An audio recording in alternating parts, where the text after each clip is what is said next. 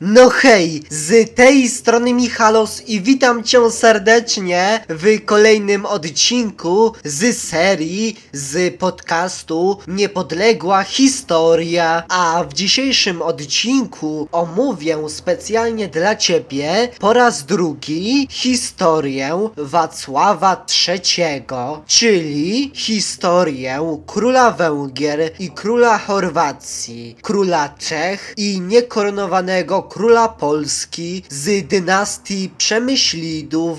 Zanim zaczniemy omawiać jego główną historię, to warto wspomnieć to, że Wacław III należy razem z Bezprymem, którego historię też omawiałem w tym podcaście, więc koniecznie, koniecznie odszukaj odcinek z Bezprymem, bo był bardzo, bardzo dobry, do grupy władców Polski, najczęściej omijanych z list takich władców, co zostało opisane jako forma damnatio memoriae, czyli zjawisko oznaczające usunięcia z dokumentów, pomników i innych świadectw kultury materialnej, imion, nazwy i wizerunków osób oraz wydarzeń skazanych na zapomnienie, czyli jeśli jakiś dany król był nie ten teges, tak to nazwę, no to po prostu go usuwali z kronik, z list, z oficjalnych dokumentów, ale na szczęście przed historią i przed prawdą nic się nie ukryje i dlatego znamy, znamy historię Wacława III. No dobra, to ja nie przedłużam i zapraszam do wysłuchania historii Wacława III. Pochodzenie. Wacław III był drugim synem pod względem starszeństwa, a trzecim dzieckiem i jedynym synem, który dożył wieku dorosłego, króla czeskiego i polskiego Wacława II i pochodzącej z rodu Habsburgów Guty wojna o dziedzictwo po węgierskich Arpadach. Od wczesnych lat Wacław był kreowany przez ojca swego, czyli Wacława II na dziedzica tronów nie tylko czeskiego i polskiego, ale także i tronu węgierskiego. A szansa na przejęcie tronu właśnie tego państwa, czyli Węgier, po raz pierwszy pojawiła się na początku 1298 roku, kiedy podczas zjazdu w Wiedniu, na którym spotkali się Wacław II i król węgierski Andrzej III oraz Albrecht Austriacki, omawiano m.in. sprawę detronizacji króla rzymskiego Adolfa. A co ciekawe, podczas tego zjazdu doszło również do zaręczenia córki ostatniego władcy z dynastii Arpadów, Elżbiety, z dziewięcioletnim wówczas Wacławem. W przyszłości, co ciekawe, małżeństwo to miało zapewnić właśnie Wacławowi III tron węgierski, w razie gdyby Andrzej nie doczekał się męskiego dziedzica czy tam potomka. A co ciekawe, z pozoru prostą sprawę komplikował fakt ogłoszenia przez zbuntowanych przeciw Andrzejowi III możnowładców nowego kandydata na króla pochodzącego z Neapolu, a popieranego przez papieża Bonifacego VIII Karola Roberta Endegaweńskiego. Mimo oporu Andrzeja III Karol Robert pojawił się w czerwcu w 1300 roku w dalmatyńskim Splicie, a jego władzę uznał arcybiskup ostrzychomski Grzegorz oraz należąca do Węgier Chorwacja. Jednak na szczęście niespodziewana śmierć 14 stycznia w 1301 roku ostatniego króla Węgier z dynastii Arpadów Andrzeja III wbrew pozorom nie ułatwiła sprawy stronnictwu andegaweńskiemu, zwłaszcza, że dwaj potężni możnowładcy mający swoje dobra na Słowacji, Amadej Aba i Mateusz Czak zajęli postawę wyczekującą. Dodatkowo sprawa się skomplikowała kiedy przeciwnicy Karola Roberta rozpoczęli rozmowy z Wacławem II w sprawie kandydatury jego, jedynego syna, na tron węgierski. No a w maju w 1301 roku możni na Sejmie w Budzie zdecydowali się na warunkowy wybór Wacława III na króla. No a szczegółowe rozmowy toczyły się następnie w czeskim Brnie, gdzie Wacław II zgodził się ze wszystkimi postulatami strony węgierskiej, obracającymi się wokół zapewnienia miejscowym możnym decydującego wpływu na rządy na Węgrzech. No a 27 sierpnia w 1301 roku w Białogrodzie Królewskim doszło do uroczystej koronacji Wacława III na króla Węgier z jednoczesnym przyjęciem przez władcę imienia Władysław V, a do najważniejszych, co ciekawe, stronników młodziutkiego Wacława III na Węgrzech należał arcybiskup Kalotrzy i zarazem kanclerz królestwa Jan. A innym bliskim współpracownikiem tego króla na Węgrzech był biskup krakowski Jan Muskata. No ale oczywiście koronacja Wacława III nie oznaczała końca gdyż Karol, Robert oraz jego stronnictwo nie zamierzali zrezygnować z pretensji do spadku po Arpadach, a nieocenioną pomocą dla Andegawenów, co ciekawe, wykazał się zwłaszcza legat papieski kardynał Mikołaj Boccassini, który został później wybrany papieżem Benedyktem XI. I co ciekawe, ten legat papieski groził opornym interdyktem i zaczął przeciągać na stronę Karola nowych stronników. No a 31 maja w 1303 roku papież Bonifacy VIII zdecydował się użyć ostatecznych argumentów w sporze, detronizując Władysława V, czyli Wacława III, zwalniając jego zwolenników ze wszystkich przysiąg i nakazując uznanie pod groźbą klątwy Karola Roberta za króla Węgier. No a wkrótce do koalicji antyczeskiej przez to dołączył również zaniepokojony wzrostem potęgi wasala król rzymski Albrecht Habsburg oraz szykujący pomocy w walce przeciwko Wacławowi Władysław Łokietek. No no, nasz Władysław, czyli przyszły król Polski, ojciec Kazika Wielkiego, no obczajony był trochę w tej polityce, w tej geopolityce, tej geostrategii. No a próby, co ciekawe, ratowania sytuacji przez Wacława poprzez sojusz z królem francuskim Filipem IV Pięknym nie przyniosły spodziewanych rezultatów. Rezygnacja z węgierskiego dziedzictwa wojna w Polsce i śmierć Wacława II.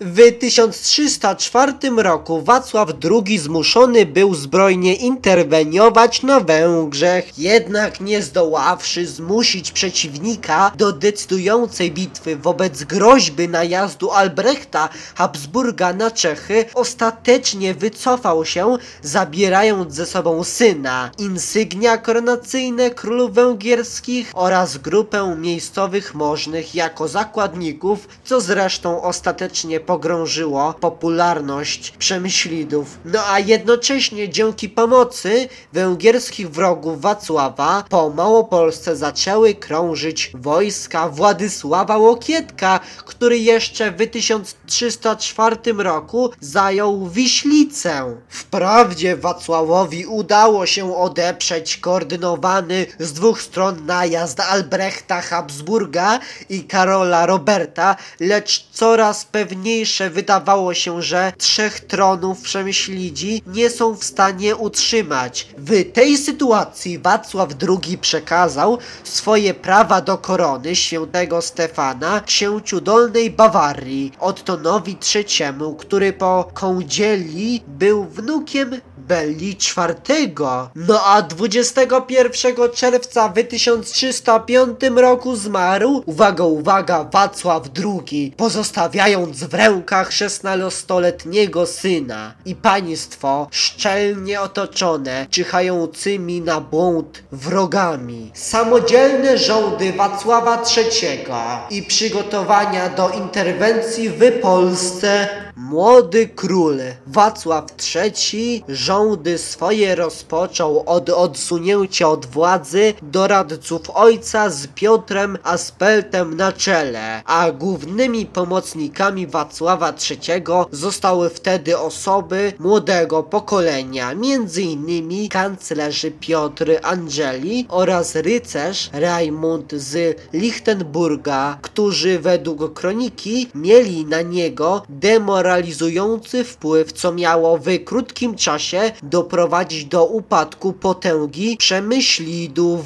Co ciekawe, biorąc to pod uwagę, pierwsze posunięcia polityczne Wacława III można jednak uznać za udane. No bo w sierpniu w 1305 roku ten król zawarł mianowicie pokój z Albrechtem Habsburgiem w zamian za zwrot zastawionego wcześniej wcześniej przez cesarstwo Hebu. Również w stosunkach z Węgrami doszło do uspokojenia, co ciekawe, na skutek zrzeczenia się przez Wacława pretensji do tronu na rzecz księcia dolno-bawarskiego Ottona Wittelsbacha, który teraz stanął na czele opozycji antyandegaweńskiej, a dzięki temu Wacław III wyplątał się z konfliktu z bagna węgierskiego nie tracąc przy tym okazji do zemsty na przeciwniku. A innym sukcesem Wacława było wydanie swojej siostry Anny za księcia Karyntii i Tyrolu Henryka, co umożliwiło mu znalezienie sojusznika na wrogim dotychczas terenie.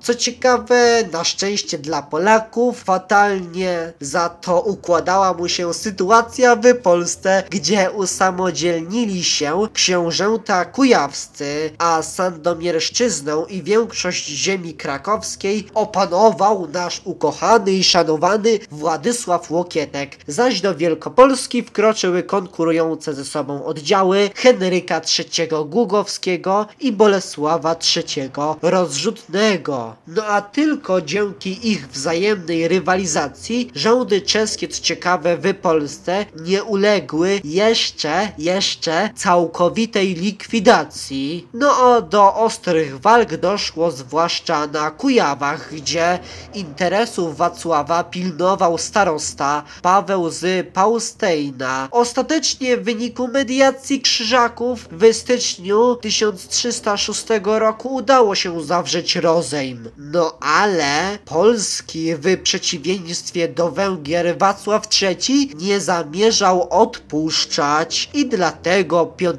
października w 1305 roku Wacław III zawarł małżeństwo z córką księcia Cieszyńskiego Mieszka, Wiolą Elżbietą, co miało zapewnić mu sojusz z książętami górnośląskimi, a następnie król wszedł w kontakty z krzyżakami i Brandenburgią. Ach, sprytny ten Wacław III. Co ciekawe, szczególnie kontakty z tymi ostatnimi miały okazać się groźne, gdyż Wacław nie widząc szans utrzymania w swoich rękach odległego Pomorza Gdańskiego zdecydował się układem z 8 sierpnia w 1305 roku odstąpić to terytorium Askańczykom w zamian za bliższą Czechom Miśnię. Ostatecznie z nieznanych przyczyn układ nie wszedł w życie, ale fakt kupczenia częścią dziedzictwa nie przyniósł Wacławowi nowych zwolenników.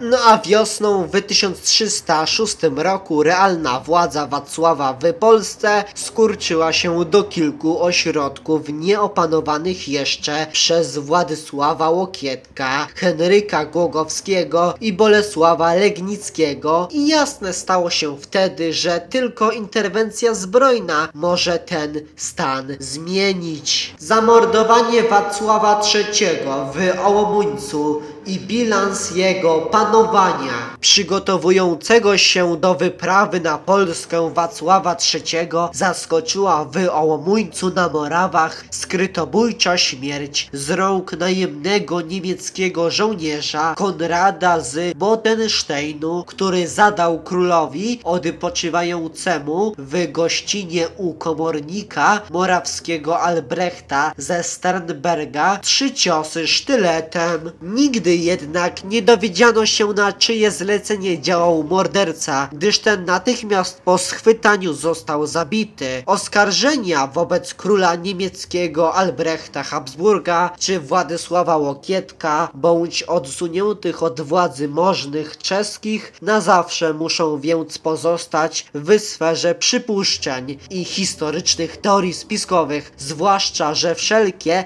ewentualne ślady zostały skutecznie zatarte na skutek rabunku, jakiego dopuścili się żołnierze na wieść o śmierci króla. Jak wspomniałem na początku lub nie, Wacław III był ostatnim władcą czeskim z dynastii Przemyślidów rządzącej Czechami przeszło sześć wieków, licząc od legendarnego Przemysła. Wprawdzie żył jeszcze przyrodni brat Wacława II, książę opawski Mikołaj I, od którego wywodziła się linia książąt śląskich, ale ponieważ książę pochodził z poza małżeńskiego związku Przemysła Ottokara II, to nie miał żadnych praw do następstwa w Pradze. Żył także, co ciekawe, nieślubny syn Wacława II, Jan Wolek, ale i on nie miał praw do następstwa. Co ciekawe, Wacław III miał być może nieślubną córkę Elżbietę. A taka mała ciekawostka o Wacławie